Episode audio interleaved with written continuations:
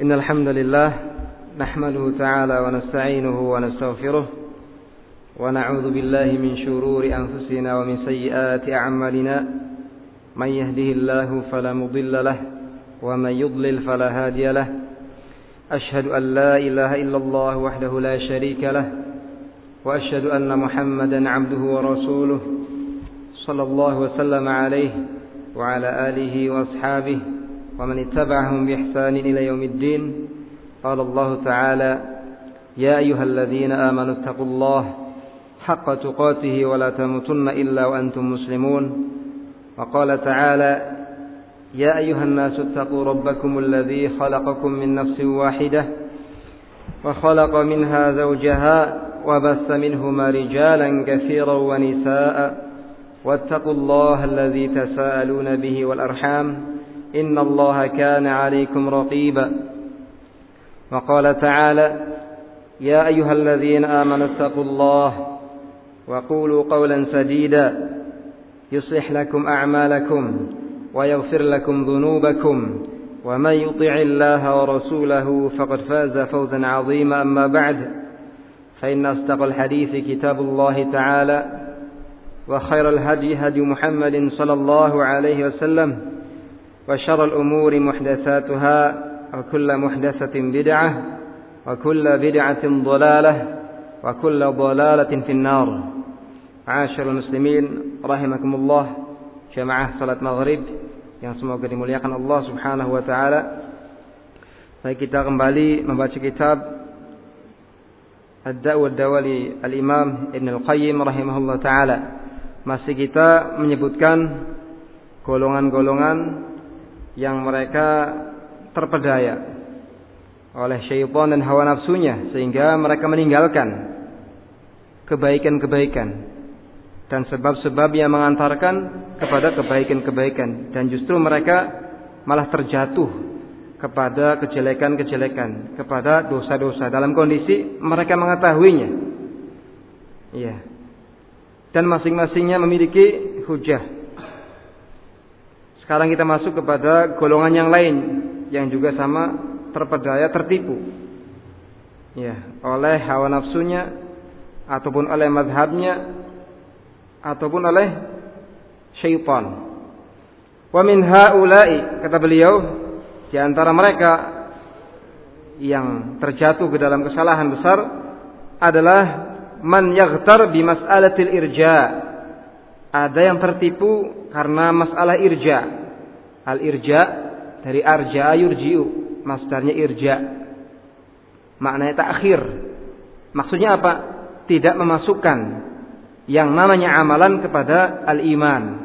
Mengeluarkan amalan dari al-iman. Dan mereka madhabnya madhab murjiah. Dan memiliki tingkatan-tingkatan. Yang paling parahnya adalah yang mengatakan bahwasanya iman itu cukup. Dengan sekedar pengenalan. Seseorang kenal Allah sudah dia dikatakan mukmin. Kalau seperti ini adanya, maka iblis pun mukmin ya menurut madhab dia. Ini yang paling parahnya. Sekedar ma'rifah kenal Allah sudah mukmin katanya. Kemudian ada lagi tingkatan berikutnya. Kata dia, ini pendapatnya mereka karomiyah yang mengatakan bahwasanya iman itu cukup dengan lisan. Sekedar dia mengucapkan asyhadu alla ilaha illallah, sudah dia masuk apa Islam meskipun dalam hatinya menyimpan kekufuran. Ya, kalau seperti ini adanya maka orang-orang munafik mukmin. Ini juga jelas kebatilannya. Kemudian di atasnya lagi ini lebih mendingan juga sesat tapi ini dipilih oleh mereka golongan asyariyah yang mengatakan bahwasanya iman itu adalah cukup dengan membenarkan, mengetahui dan membenarkan cukup.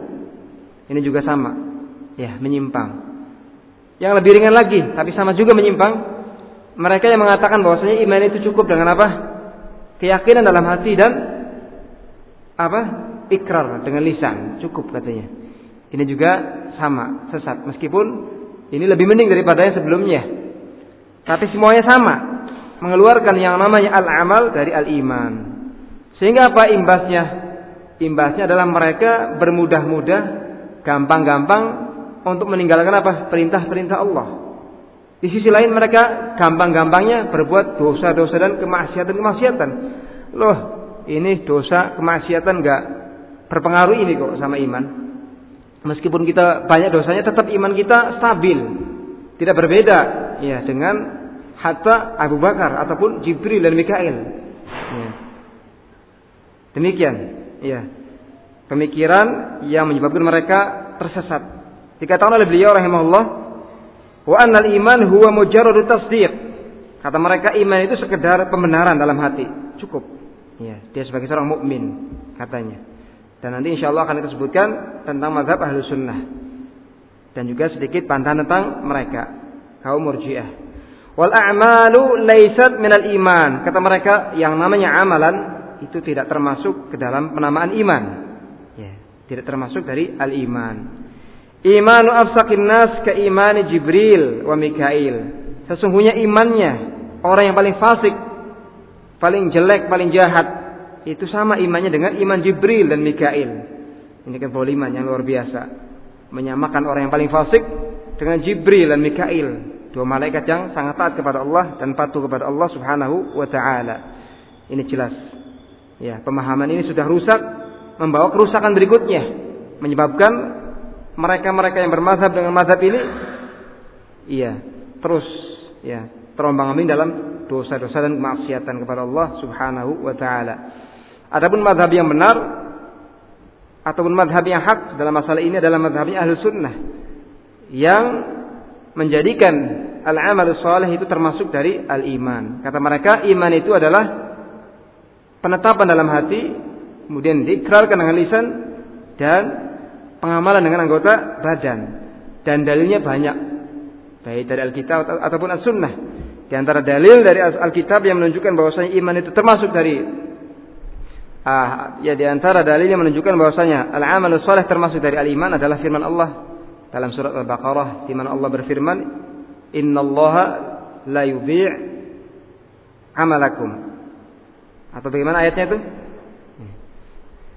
Sesungguhnya Allah Subhanahu wa taala, "Innallaha la yudhi'a la yudhi' la yudhi'u imanakum."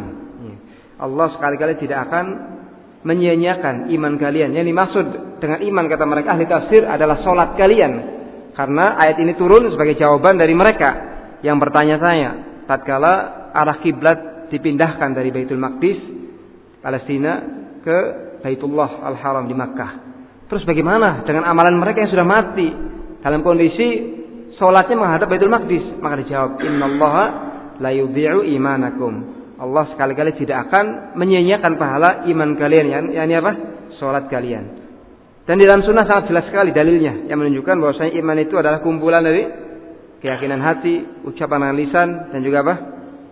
Pengamalan dengan anggota badan, yaitu sabda Rasulullah sallallahu alaihi wasallam kata beliau, "Al-imanu bid'un wa sittuna syu'bah." Iman itu memiliki 63 cabang atau lebih. A'laha yang tertingginya adalah qaulul la ilaha illallah. Ini apa ini? Qaulul la ilaha illallah, ucapan la ilaha illallah. Termasuk apa? Bagian dari iman masuknya apa? Ucapan, ya kan? Kemudian kata beliau, adnaha imatatul adza 'anit thariq. Tingkatan terendah dari iman adalah menyingkirkan gangguan dari jalan. Ini apa ini? Amalan. Kemudian kata beliau sallallahu alaihi wasallam wal haya'u syu'batun minal iman. Sedangkan rasa malu merupakan cabang dari keimanan. Ini apa ini? Amalan apa ini? Hati. Ya, terkumpul dalam hadis ini ya cabang-cabang keimanan yang tiga tadi. Yang pertama yaitu qaulul la ilaha illallah yang kembali kepada apa? Lisan.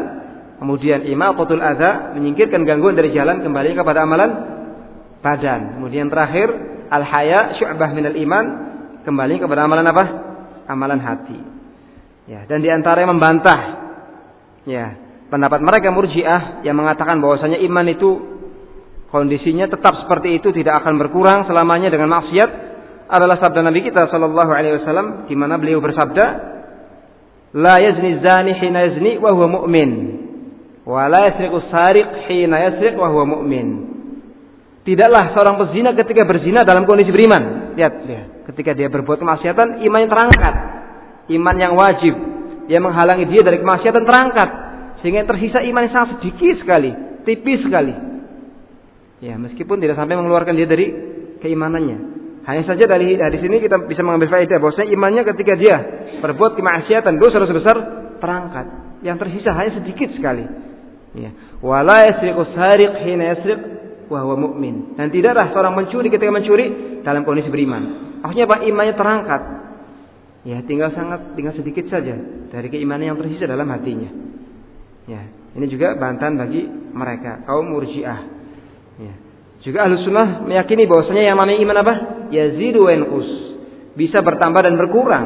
Tidak seperti yang dikatakan oleh kaum murjiah yang mengatakan iman itu tidak bertambah dengan ketaatan, juga tidak berkurang dengan kemaksiatan. Adapun ahlu sunnah meyakini dan keyakinan mereka adalah sesuai dengan bimbingan Alkitab dan Sunnah. Yaitu bahwasanya iman itu bertambah dan berkurang. Di antara dalilnya apa? Liyazdadu imanan ma imanihim. Agar bertambah iman mereka di atas iman yang ada.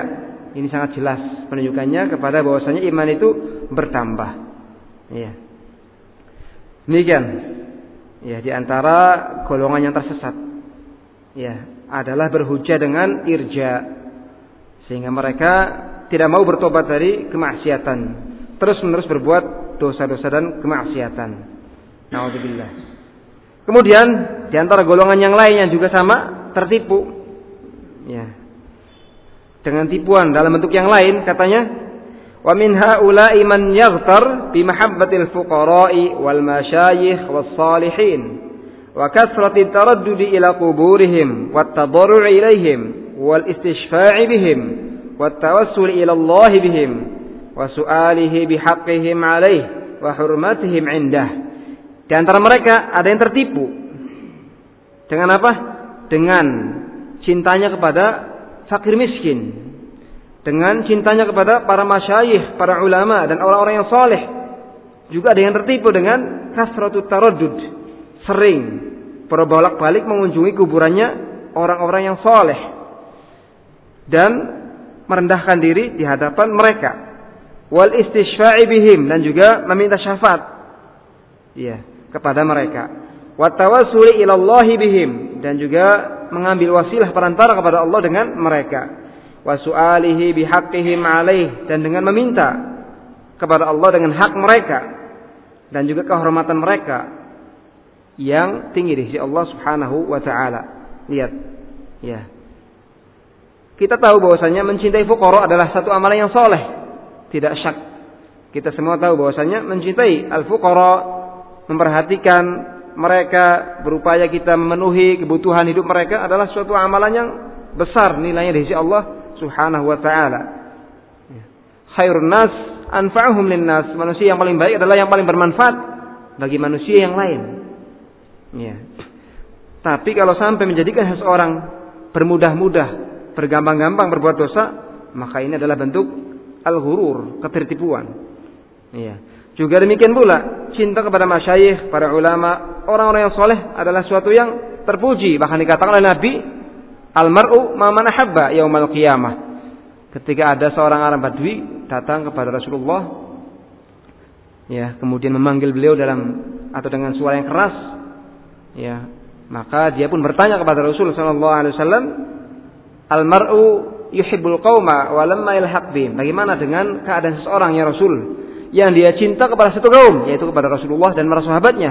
Tapi amalannya tidak bisa sampai seperti amalan mereka, tidak bisa sama dengan amalan mereka. Maka dijawab oleh Rasulullah Sallallahu Alaihi Wasallam, al mar'u ahabba. Sungguh seorang itu akan dikumpulkan, dibangkitkan bersama orang-orang yang dicintainya. Ya. Ini kondisinya beda dengan orang ini.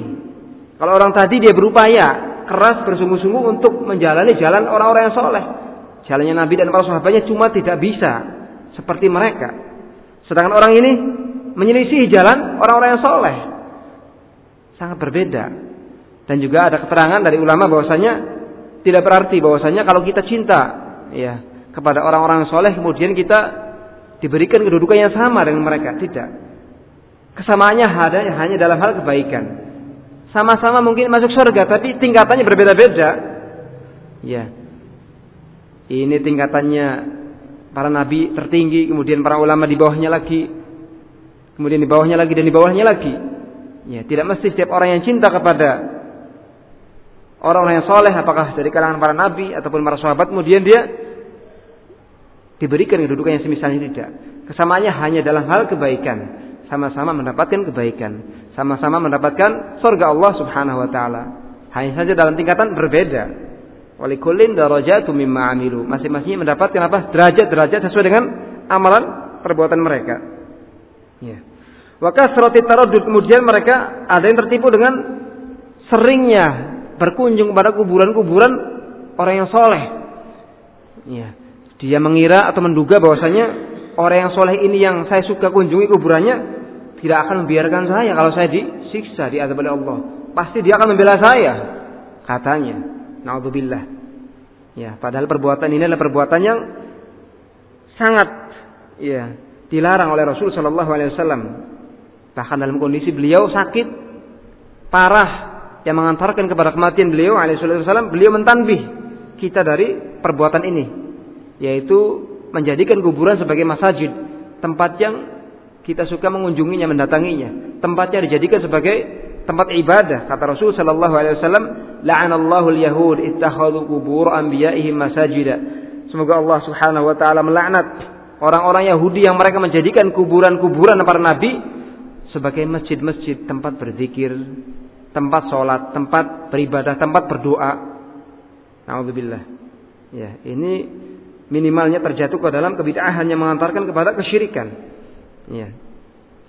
Juga meminta syafaat dengan mereka yang meninggal, ini juga kebid'ahan.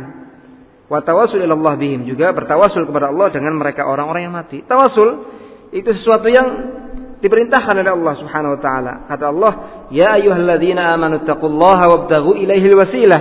Wahai orang-orang yang bertakwa, wahai orang-orang yang beriman, bertakwalah kalian kepada Allah dan carilah, ambillah wasilah-wasilah yang mendekatkan diri-diri kalian kepada Allah. Tapi wasilah yang syar'i. Seperti apa? Tawasul dengan amal soleh, dengan amal soleh. Tawasul dengan keimanan. Tawasul dengan apa? Nama-nama dan sifat-sifat Allah subhanahu wa ta'ala. Adapun tawasul dengan perantaran mereka orang-orang yang soleh yang sudah mati. Maka adalah perkara ini perkara yang merupakan kebid'ahan yang bisa mengantarkan kepada kesyirikan yang harus kita tinggalkan dan harus kita jauhi. Ya. Kemudian juga di antara mereka golongan yang lain yang tertipu juga berhujah dengan hujah yang lain. Wa minhum man yaghtar bi abaihi wa aslafihi wa anna lahum 'inda Allah makanatan wa salahan fala yad'unahu hatta yukhallisuh. Di antara mereka yang terjatuh ke dalam dosa-dosa dan kemaksiatan ada yang tertipu karena sebab bapak-bapak mereka dan pendahulu-pendahulu mereka. Orang tua saya kan adalah orang soleh. Nenek moyang saya adalah seorang ulama, seorang syekh besar yang diikuti.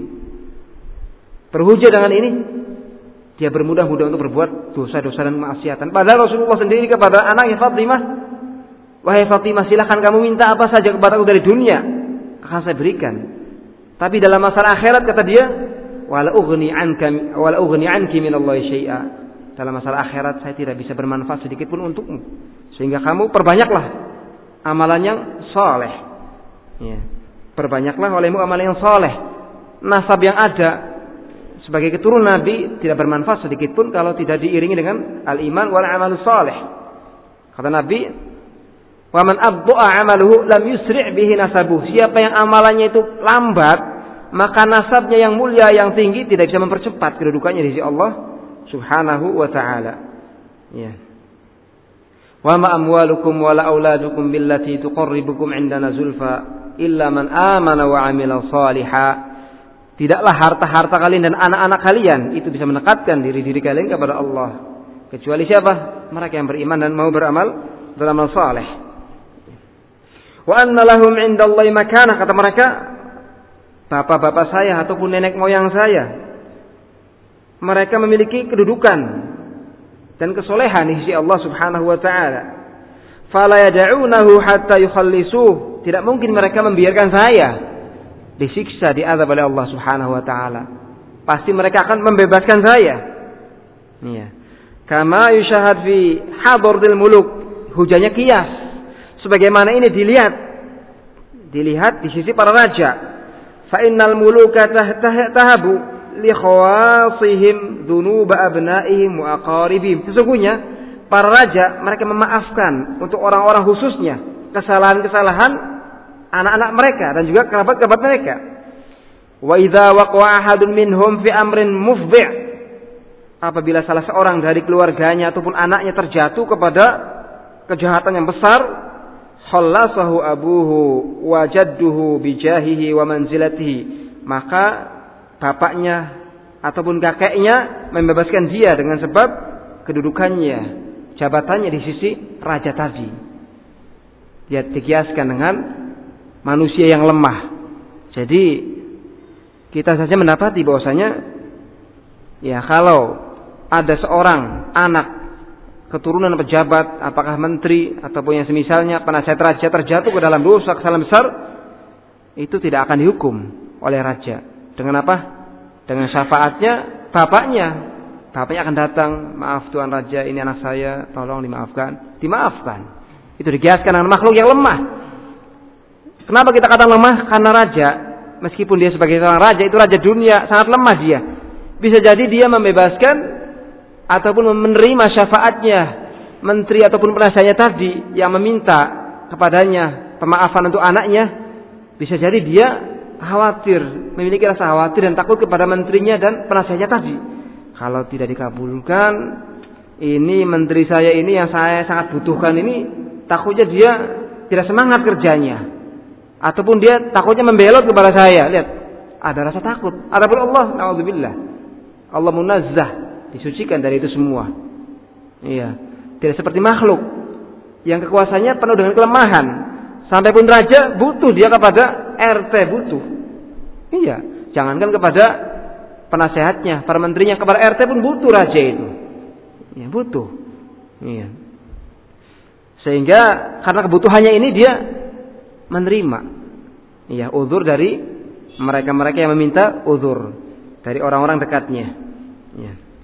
Sedangkan Allah Subhanahu wa taala adalah raja di raja. Yang tidak ada satupun makhluk yang bisa melemahkan Allah Subhanahu wa taala. Ya. Kemudian kata beliau rahimahullah taala model yang lain yang juga sama terjatuh ke dalam dosa-dosa karena sebab al-ghurur adalah wa minhum man yaghtar bi anna Allah azza wa jalla ghaniyun an وعذابه لا يزيد في ملكه شيئا ورحمته لا تنقص من ملكه شيئا فيقول أنا مضطر إلى رحمته وهو أغنى الأغنياء. ولو أن فقيرا مسكينا مضطرا إلى شربة ماء عند من في داره شط يجري لما منعه منها. فالله أكرم وأوسع فالمغفرة لا تنقصه شيئا والعقوبة لا تزيد في ملكه شيئا. Di antara mereka para pendosa ahlul ma'asi, al-fasaqah, orang-orang fasik, ada yang berhujah dengan hujah yang lain yaitu tertipu dengan pengetahuannya yaitu bahwasanya Allah Subhanahu wa taala adalah ghaniyun an azabi. Maha kaya tidak butuh untuk apa? menyiksa saya. Bukankah dikatakan dalam hadis Ibn Adam, ya, lau anna awwalakum wa akhirakum. Ya, wa insakum wa kanu ala afjari rajulin wahidin minkum. Ma naqasa dzalika min mulki syai'a. Ya. Wahai anak Adam seandainya kalian semua bangsa jin dan manusianya dari awal sampai akhirnya berada dalam satu hati yang paling fajir arti semuanya adalah orang-orang yang fajir itu semua tidaklah mengurangi kerajaanku sedikit pun. Kenapa Allah maha kaya pada saatnya lihat. Ya. Berhujah dengan ini dia bergampang-gampang untuk berbuat dosa. Ya. Padahal seharusnya dia ya ketika mengetahui bahwasanya Robnya maha kaya, harusnya dia merasa butuh kepada Allah. Dengan apa? Tunduk kepada Allah, terikat kepada apa? Syariat Allah Subhanahu wa taala, terus meminta bimbingan kepada Allah, berdoa kepada Allah. Sedangkan apa yang dia perbuat dari dosa-dosa itu menunjukkan bahwasanya dia kaya tidak butuh kepada Allah tidak butuh kepada bimbingan Allah, tidak butuh kepada syariat Allah, iya kan? Iya, dengan dia melepaskan diri dari apa? Syariat Allah seolah-olah dia tidak butuh kepada Allah Subhanahu wa taala. Sehingga pantas kalau dia diancam dengan siksa oleh Allah Subhanahu wa taala. Ya. Kata Allah, "Fa man a'ta wattaqa wa saddaqa bil husna fasanuyassiruhu lil yusra wa amma bakhila wastaghna wa kadzdzaba bil husna fasanuyassiruhu lil usra." Lihat Allah mengancam. Adapun mereka yang mau bertakwa dan mau memberi ya. Kemudian membenarkan al-husna di antara maknanya adalah al-jannah. Ada juga yang menafsirkan dengan la ilaha illallah fasanuyassiruhu lil yusra. Maka akan kami berikan kepadanya jalan yang mudah. Sedangkan mereka yang bakhil, wastaghna dan merasa kaya, merasa tidak butuh kepada syariat Allah, merasa tidak butuh kepada bimbingan Allah dan Rasulnya, wa bil husna dan mendustakan al husna al jannah, fasanuyassiruhu lil usra, maka akan kami jadikan jalannya susah, dia dihukum oleh Allah di dunia. Dan di akhirat pun akan terancam dia dengan ancaman-ancaman yang berat. Iya. Kata beliau, kita lanjutkan wa azabuhu la yazidu fi mulki syai'a. Masih kita menyebutkan hujah dia. Dan azab Allah itu tidak menambah sedikit pun pada kerajaannya. Sama saja Allah mengazab saya ataupun tidak, tetap Allah kaya. Ini katanya. Wa rahmatu la tanqusu min mulki syai'a. Dan rahmat Allah yang maha luas la tanqusu min mulkihi syai'a.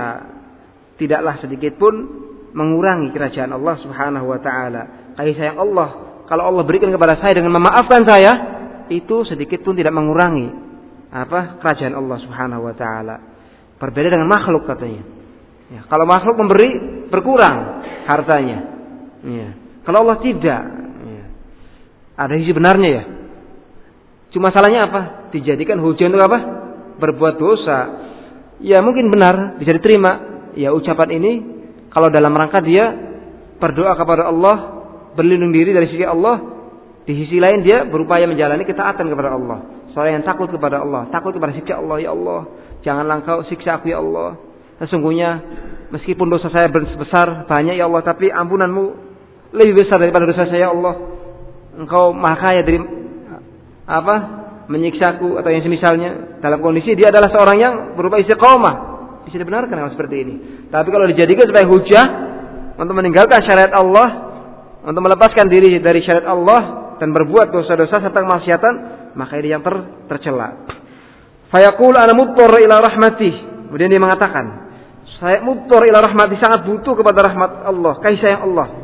Tapi dia tidak mau menjalani jalan-jalan yang mendatangkan sayang Allah.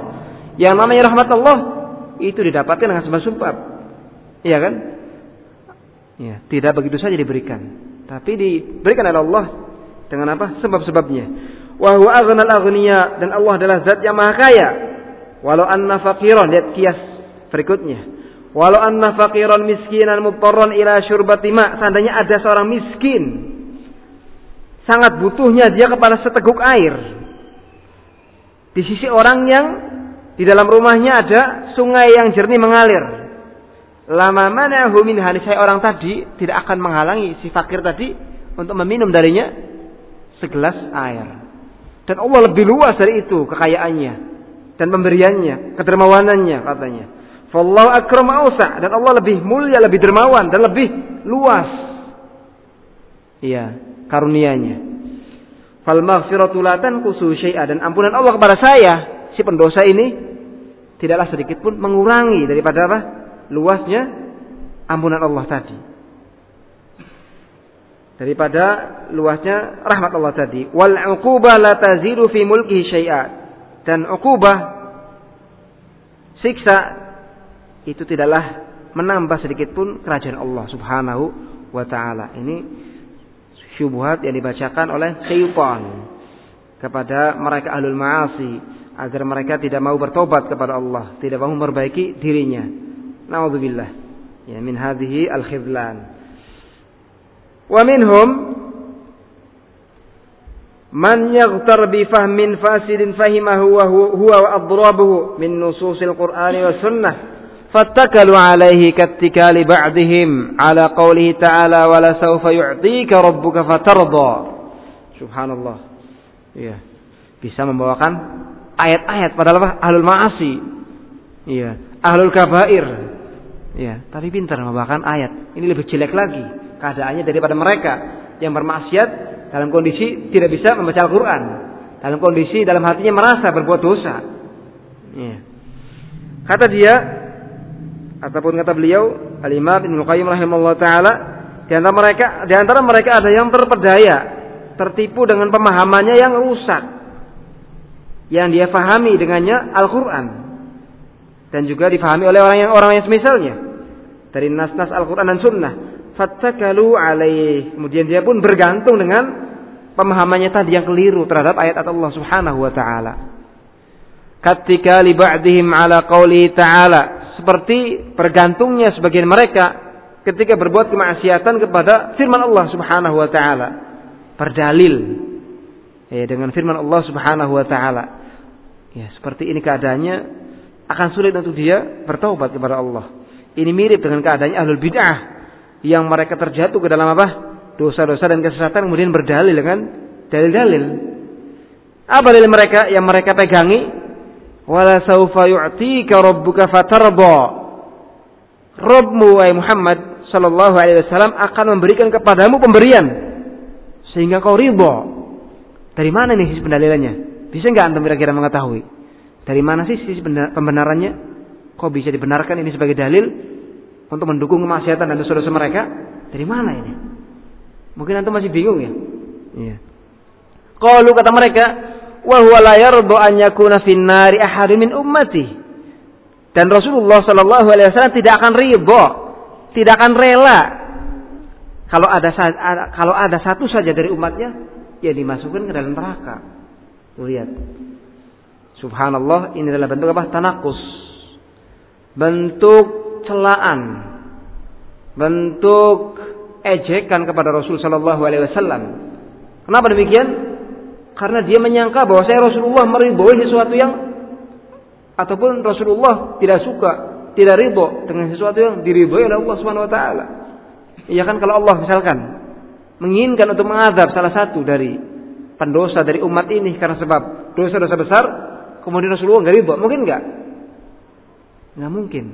Rasulullah adalah orang yang paling alim, paling mengerti ya tentang Allah Subhanahu wa taala paling ridho dengan keputusan Allah Subhanahu wa taala yang maha adil dan penuh hikmah. Ini di antara bentuk suudzon dia kepada Rasulullah sallallahu alaihi wasallam, menyangka Rasul ridho terhadap sesuatu yang tidak diridhoi oleh Allah ataupun tidak diridho terhadap sesuatu yang diridhoi oleh Allah Subhanahu wa taala. Wa hadza min aqbahil jahl, wa hadza min aqbahil jahl. Kata beliau, ini adalah kebodohan yang paling jelek Ya, karena di dalamnya terdapat suudzon kepada Rasul Shallallahu Alaihi Wasallam.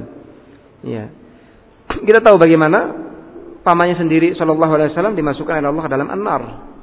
Ya, ahwan azab al-nar adalah Abu Talib.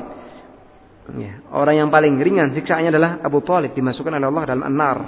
Diletakkan pada kakinya sandal sehingga apa? Menggelegak otaknya. Dan dia merasakan sebagai orang yang paling apa dahsyat siksaannya. Rasulullah ridho dengan ini. Tidak protes kepada Allah Subhanahu wa taala. Ya. Wa abyanil kadhibi dan ini adalah sebesar-besar kedustaan atas nama Rasul sallallahu alaihi wasallam. Tuduhan yang sangat jelek kepada Rasul sallallahu alaihi wasallam. Fa innahu yarda bima yarda bihi rabbuh azza wa jalla.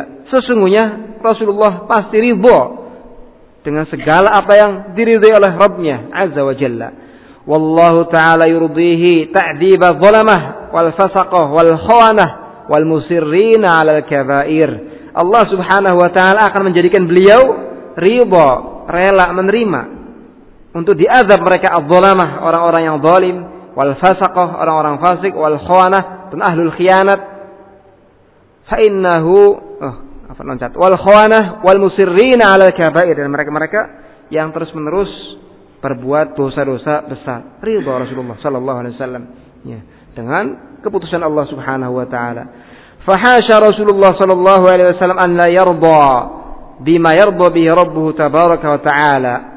Mahasi Allah Subhanahu wa taala. Ya. Rasulullah sallallahu alaihi wasallam tidak mungkin tidak ridho dengan sesuatu yang telah diridhoi oleh Rabbnya tabaraka wa taala. Ini juga hujah yang sangat jelek sangat zahirul butlan ya nyata kebatilannya ini muncul dari apa al hawa hawa nafsu iya mereka ingin menguatkan iya kegemaran mereka berbuat dosa dengan dalil-dalil syahwat Ya. Dicampuri dengan syubhat. Ya. Kemudian satu lagi kita baca ya. Wa katikali ba'dihim. Itu bukan suara adzan kan ya? Oh. Sudah. Wa katikali ba'dihim ala qawli ta'ala innallaha yaghfiru dzunuba jami'a. Dan seperti bergantungnya sebagian mereka kepada sabda Allah, kepada firman Allah Subhanahu wa taala. Katanya, lihat Allah berfirman, "Innallaha yaghfiru dzunuba jami'a." Sesungguhnya Allah Subhanahu wa taala akan mengampuni semua dosa tanpa terkecuali. Sehingga dosa saya ini ya akan diampuni juga oleh Allah Subhanahu wa taala sebanyak apa pun. Kenapa Allah berfirman, "Innallaha yaghfiru dzunuba jami'a." Tidak ada yang dikecualikan di dalamnya satu pun dari dosa. Sehingga tenang saja berbuat dosa dan kemaksiatan. Ketika diingatkan, ittaqillah. Bertakwalah kepada Allah. Tinggalkan dosa ini. Akan membawa karena dosa ini akan membawa murka Allah. Terancam dengan ancamannya keras dari Allah. Innallaha yaghfiru dzunuba jami'a. Berdalilkan dalil dari Al-Qur'an. Wa hadza aidan min aqbahil min aqbahil jahl. Juga ini juga sama, merupakan kejahilan yang paling jelek Kenapa fa inna syirka dakhilun fi hadhil ayah? Karena kesyirikan juga masuk ke dalam ayat ini. Innallaha yaghfiru dzunuba jami'a. Semua dosa akan diampuni oleh Allah Subhanahu wa taala. Termasuk di dalamnya dosa yang paling besar. Yaitu apa? Kesyirikan, kekufuran. Bagaimana kekufuran, kesyirikan? Diampuni oleh Allah Subhanahu wa taala atau tidak? Jawabannya gimana? Iya atau tidak? Hah? Iya kalau bertobat. Tidak kalau tidak mau bertobat. Itu kan yang kita ketahui. Ya. Fa inna syirka dakhilun fi hadhil ayah. Sesungguhnya syirik masuk ke dalam ayat ini. Yang dijanjikan untuk diampuni. Fa inna ra'sa dzunubi fa innahu ra'su dzunubi wa asasuha. Sesungguhnya syirik adalah kepalanya dosa. Inti daripada dosa-dosa. Wa asasuha. Dan juga pokok dari dosa. Iya. Wala khilafa anna hadhil ayata fi haqqit taibi. Tidak ada khilaf di antara ulama ya, bahwasanya ayat ini khusus untuk mereka orang-orang yang bertaubat darinya. Jadi innallaha yaghfiru dzunuba jami' liman littaibin. Allah Subhanahu wa taala mampuni semua dosa. Bagi siapa? Bagi yang mau bertobat. Apa pun dosanya. Apakah kesyirikan, kekufuran, kebid'ahan, kemaksiatan dan seterusnya. Itu tidak ada khilaf di dalamnya. Ya. Fa innahu yaghfiru dzanba kulli taibin min ayyi dzanbin kana. Sungguh Allah Subhanahu wa taala mengampuni ya semua dosa dari siapa saja yang mau taubat. Ya. Walau kanatil ayatu fi haqqi ghairi taibin la batalat nususul wa'idi kulluha wa hadithu ikhraji qaumin minal muwahhidin minan nari bisyafa'ah. Seandainya ayat ini bukan khusus untuk mereka yang bertaubat umum sebagaimana yang difahami oleh si jahil ini maka bapolat nususul wa'id kulluha sia-sia semua nas-nas yang berisi ancaman-ancaman baik terhadap mereka ahlul kufri wa syirki ataupun mereka ahlul ma'asi apa gunanya Allah mengancam mereka para pelaku syirik dengan annar apa gunanya Allah mengancam mereka ya ahlul ma'asi dengan annar Berarti sia-sia. Nauzubillah. Ya dari adanya kesia-siaan dalam firman Allah Subhanahu wa taala. Wa haditsu ikhraj qaumin minal muwahhidin minan nar bisyawah bisyafa'ah. Dan juga ini saya akan sia-sia. Tidak ada faedahnya hadis-hadis yang sahih yang disebutkan di dalamnya tentang dikeluarkannya satu kaum yang memiliki tauhid dari an-nar dengan sebab syafaat Rasul sallallahu alaihi wasallam. Iya kan? Kita tahu bahwasanya di sana banyak hadis-hadis yang datang dari Rasul Shallallahu Alaihi Wasallam yang sahih riwayat Bukhari dan Muslim yang menerangkan kepada kita tentang dikeluarkannya mereka orang yang memiliki keimanan seperti zarrah dari an-nar, memiliki tauhid kepada Allah Subhanahu wa taala. Kata Rasul sallallahu alaihi wasallam, "Yakhruj minan nar man qala la ilaha illallah." Akan keluar dari an-nar mereka yang mengatakan la ilaha illallah, memiliki tauhid. Selama belum terbatalkan dengan apa? kesyirikan akan dikeluarkan oleh Allah Subhanahu wa taala. Meskipun sebelumnya diapakan dulu? Dibersihkan dulu dengan azab oleh Allah Subhanahu wa taala. Kalau tadi disebutkan ya hujahnya orang tadi yang jahil yang mengatakan bahwasanya semua dosa diampuni, terus bagaimana dengan hadis tadi ini? Yang menunjukkan adanya mereka mereka yang dimasukkan oleh Allah ke dalam an-nar. Berarti ini menunjukkan apa? Dosanya tidak diampuni ya kan? Disiksa oleh Allah dulu, dibersihkan dulu oleh Allah di dalam an-nar, kemudian dimasukkan ke dalam surga Allah Subhanahu wa taala. Wa hadza innama utiya sahibuhu min qillati ilmihi wa fahmihi. Tidak lain ini didatangkan oleh pengucapnya, oleh orangnya karena sebab dangkalnya ilmu dan pemahamannya. Ilmunya sangat dangkal, pemahamannya sangat cetek. Ditambah lagi dengan hawa nafsu yang begitu besar dalam hatinya. Fa'innahu subhanahu hahuna amma mu'atlaq. Lihat kata beliau, di sini Allah subhanahu wa ta'ala menyebutkan secara umum dan mutlak. Innallaha yaghfiru dzunuba jami'a. Sesungguhnya Allah mengampuni dosa-dosa semuanya. Umum kan? Mutlak kan? Tidak ada satupun dari dosa yang dikecualikan. Umum mutlak. Di dalamnya kesyirikan, bid'ahan, kemaksiatan, yang besarnya, yang kecilnya. Fa'ulima annahu aradat taibin. Maka diketahui dari penyebutan yang sifatnya umum ini bahwasanya Allah menghendaki dengan firman-Nya tadi adalah mereka untuk orang-orang yang bertaubat kepadanya. Iya kan? Innallaha yaghfiru dzunuba jami'a disebutkan dalam kondisi umum mutlak semua dosa. Berarti dikendaki adalah ini kendaki adalah apa? Untuk mereka khusus bagi yang mau bertaubat darinya. Kemudian kata beliau rahimahullah taala Wa fi suratin nisa khassasa wa qayyada faqala inna Allah la yaghfiru ay yushraka bihi wa yaghfiru ma duna dzalika liman yasha. Sedangkan di dalam surat An-Nisa Allah sebutkan secara khusus dan disebutkan padanya batasan. Kata Allah Subhanahu wa taala, "Innallaha la yaghfiru ay yushraka bih wa yaghfiru ma duna dzalika liman yasha." Sesungguhnya Allah Subhanahu wa taala akan mengampuni. Ya, sesungguhnya Allah Subhanahu wa taala tidak akan mengampuni dosa syirik. Tuh. Allah tidak akan mengampuni dosa syirik. Dan akan mengampuni ma duna dzalik, dosa-dosa yang di bawah syirik. Ya. Dari apa? Dosa-dosa besar. Ya. Liman yasha bagi siapa saja yang Allah kehendaki. Kata beliau, "Fa subhanahu annahu la yaghfiru syirka." Dalam ayat ini Allah mengabarkan bahwasanya Allah tidak akan mengampuni dosa syirik. Ya. Wa akhbaru annahu yaghfiru ma dan beliau dan Allah juga memberitakan kepada kita bahwasanya Allah mengampuni dosa-dosa di bawah syirik. Itu yang lebih tepat katanya. Kata sebagian ulama daripada selain syirik. Karena selain syirik masuk di dalamnya kekufuran, ya kan? Kalau di bawah syirik berarti dosa-dosa besar. Allah memberitakan bahwasanya Allah tidak akan mengampuni dosa syirik dan akan mengampuni dosa yang di bawah kesyirikan. Walau kana hadza fi haqqi taib ini konteksnya adalah pada mereka-mereka yang tidak bertobat.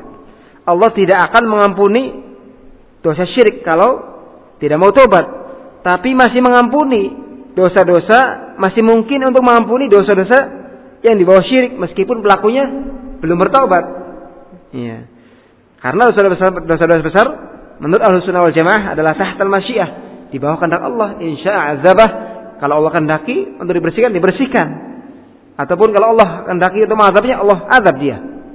Sebagai bentuk pembersihan dari dosa-dosa tadi. Wa insya ghafaralah. Kalau Allah kehendaki maka Allah ampuni. Ya seperti karena sebelumnya ketika di dunia dia ditimpa banyak musibah dan musibah ataupun dia banyak beristighfar kepada Allah ataupun memiliki kebaikan yang sangat besar ataupun yang lainnya Allah taala mengetahui yang karena Allah mengampuni dosa-dosa si pendosa ini. Iya. Kata beliau rahimahullah, "Walau kana hadza fi haqqi taib lam yufarriq baina syirki wa ghairi." Seandainya ayat ini turunnya pada haknya orang yang bertaubat, niscaya tidak akan dibedakan antara kesyirikan dan selain kesyirikan. Di sini dibedakan antara apa? Kesyirikan antara dosa-dosa kesyirikan dengan dosa-dosa selain kesyirikan. Ini menunjukkan bahwasanya ini pada haknya mereka orang-orang yang belum bertaubat. Ya. Ini menunjukkan bahwasanya ayat ini turunnya untuk mereka haknya orang-orang yang belum sempat bertaubat. Ada pun yang bertaubat ya diampuni. Iya. Ini Allah sebutkan tidak akan Allah ampuni dosa syirik. Ya. Dan akan mengampuni dosa-dosa di bawah kesyirikan bagi mereka yang belum sempat bertaubat kepada Allah Subhanahu wa taala. Ya. Tidak seperti halnya mereka madhabnya Khawarij dan Mu'tazilah yang mereka mengatakan bahwasanya pelaku dosa besar itu finnar. Iya, di dalam anar kekal di dalamnya. Ya, ini pendapat yang menyelisih naskah yang sangat sorih di antara ayat ini. Wa yaghfiru maduna dzalik dan Allah masih mungkin mengampuni dosa selain syirik. Iya. Sesuai dengan hikmah Allah Subhanahu wa taala dan keadilannya. Ya, cukup ya sampai di sini insyaallah akan kita baca lagi bentuk-bentuk dari ketertipuan dari mereka orang-orang yang juhal dan orang-orang yang mengekor kepada hawa nafsu. Wallahu a'lam subhanakallahumma bihamdik asyhadu an la ilaha illa anta astaghfiruka wa atubu ilaik. Wassalamu alaikum.